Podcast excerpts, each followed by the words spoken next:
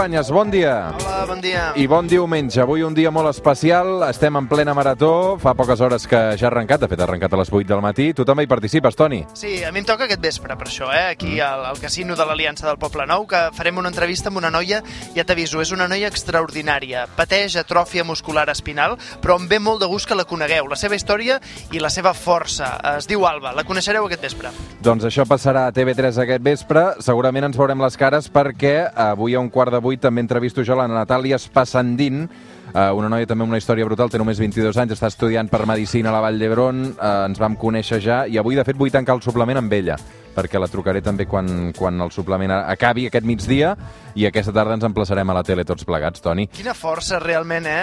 Mm. La gent que d'una manera o altra està patint amb la pròpia pell eh, aquestes malalties i, i veus com tiren endavant, és, és mm. brutal, un testimoni brutal.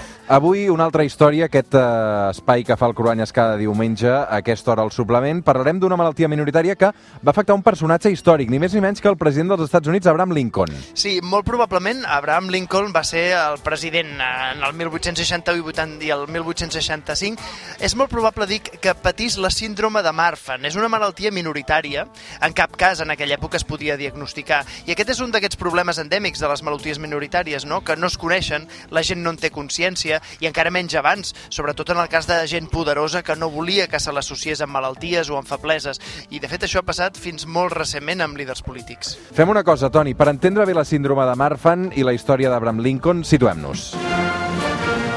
Lincoln, setzè president dels Estats Units i encara avui aclamat com un heroi nacional. Sí, Lincoln és admirat dins i a fora dels Estats Units perquè se li atribueixen virtuts com la honestedat, la fortalesa d'esperit, grans conviccions que de fet ens han arribat eh, fins avui a través dels seus discursos escrits. De fet, és el president que va abolir l'esclavitud, no? Quan Lincoln va arribar a la presidència feia anys que es cuia una crisi nacional molt profunda als Estats Units. L'enfrontament entre la societat moderna, dinàmica dels estats del nord, industrials, contra els estats estats del sud, amb una aristocràcia de terratinents que tenien plantacions immenses on hi treballaven milions d'esclaus.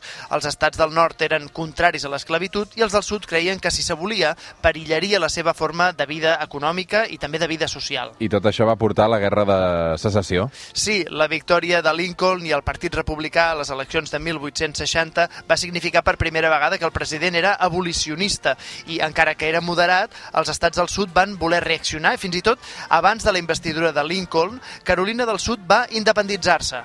Després, altres 10 estats van declarar-se també independents, per això en diuen la Guerra de Secessió. Després, aquests estats esclavistes formarien la coneguda com a Confederació, amb la capital a Richmond, a Virgínia. Pensaven que els estats del nord no reaccionarien, que els deixarien marxar, però Abraham Lincoln va liderar una confrontació militar que va resultar molt dura. I els estats del nord van guanyar en part perquè van alliberar els esclaus que treballaven al sud i els van allistar a les seves files, no? Exacte, tot i que els terratinents terratinents del sud tenien millors armes, tenien gent més acostumada a la disciplina militar. De fet, ho retrata molt bé la pel·lícula Allò que el vent s'endugué, popular mm. durant anys en castellà i que mostra com desquinçats van quedar els Estats Units amb les paraules finals molt famoses de Scarlett O'Hara. Aunque tenga que estafar, que ser ladrona o asesinar, a Dios pongo por testigo que jamás volveré a pasar hambre.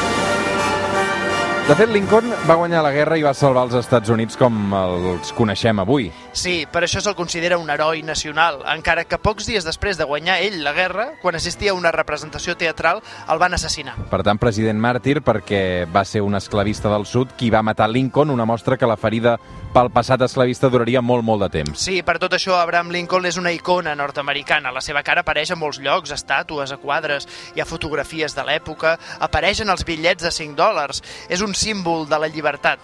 Recordes com és físicament Abraham Lincoln? Sempre el veiem amb aquella cara prima, no? Pòmuls molt grans, amb la barba, amb els cabells despentinats i amb aquell barret de copa. Sí, no és tan conegut això, però feia un metre 92 centímetres d'alçada.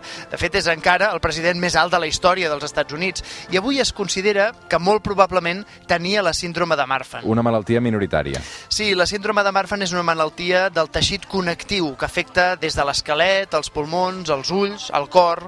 Els que tenen aquesta síndrome, la característica més evident és que tenen els membres molt llargs, que afecta afecta a una de cada 5.000 persones. I què ens fa pensar que Lincoln tenia aquesta malaltia, Toni? A veure, és hereditària i pel que se sap de la seva mare també era molt prima i alta, molt per l'època, igual que els seus fills. Tenia un frontó, un front molt, molt prominent, un mm. mentó també molt gran, ull, les orelles i el nas grans, uns ulls petits, els llavis gruixuts, perquè el teixit subcutani, al voltant de la boca, també és propi dels Marfan. A més, també se sospita de l'herència dominant del Lincoln, ja que quan va tenir quatre fills, tots eren molt alts, tres dels quals amb un aspecte facial similar i que van morir molt joves, amb 3, 11 i 18 anys. En canvi, el fill de Lincoln, amb aspecte no Marfan, va viure fins als 82 anys.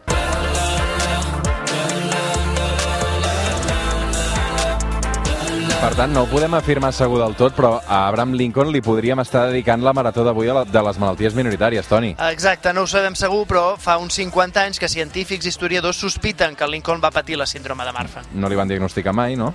No, però ni que ell i el seu entorn sabés que tenia una malaltia l'hauria amagat. Hem de pensar que la malaltia tradicionalment ha estat sinònim de feblesa. Mm -hmm. I mhm. justament una de les coses que més reconeixien en Lincoln, els americans del segle XIX, era la seva força. Era un home altíssim, era el comandant en cap de l'exèrcit l'exèrcit justament en temps de guerra. I no podia donar aquesta imatge de feblesa. No, de fet, un segle més tard tornaria a passar. Eh? El president Franklin Delano Roosevelt, que seria heroi de la Segona Guerra Mundial, uh mhm. -huh. patia poliomielitis. Tenia paralitzada la part inferior del seu cos, però els seus coetanis no ho van saber mai. Imagina't, va guanyar quatre eleccions, va guanyar una guerra, assegut en una cadira de rodes, però no va deixar veure's mai com un invàlid. Gires, gires,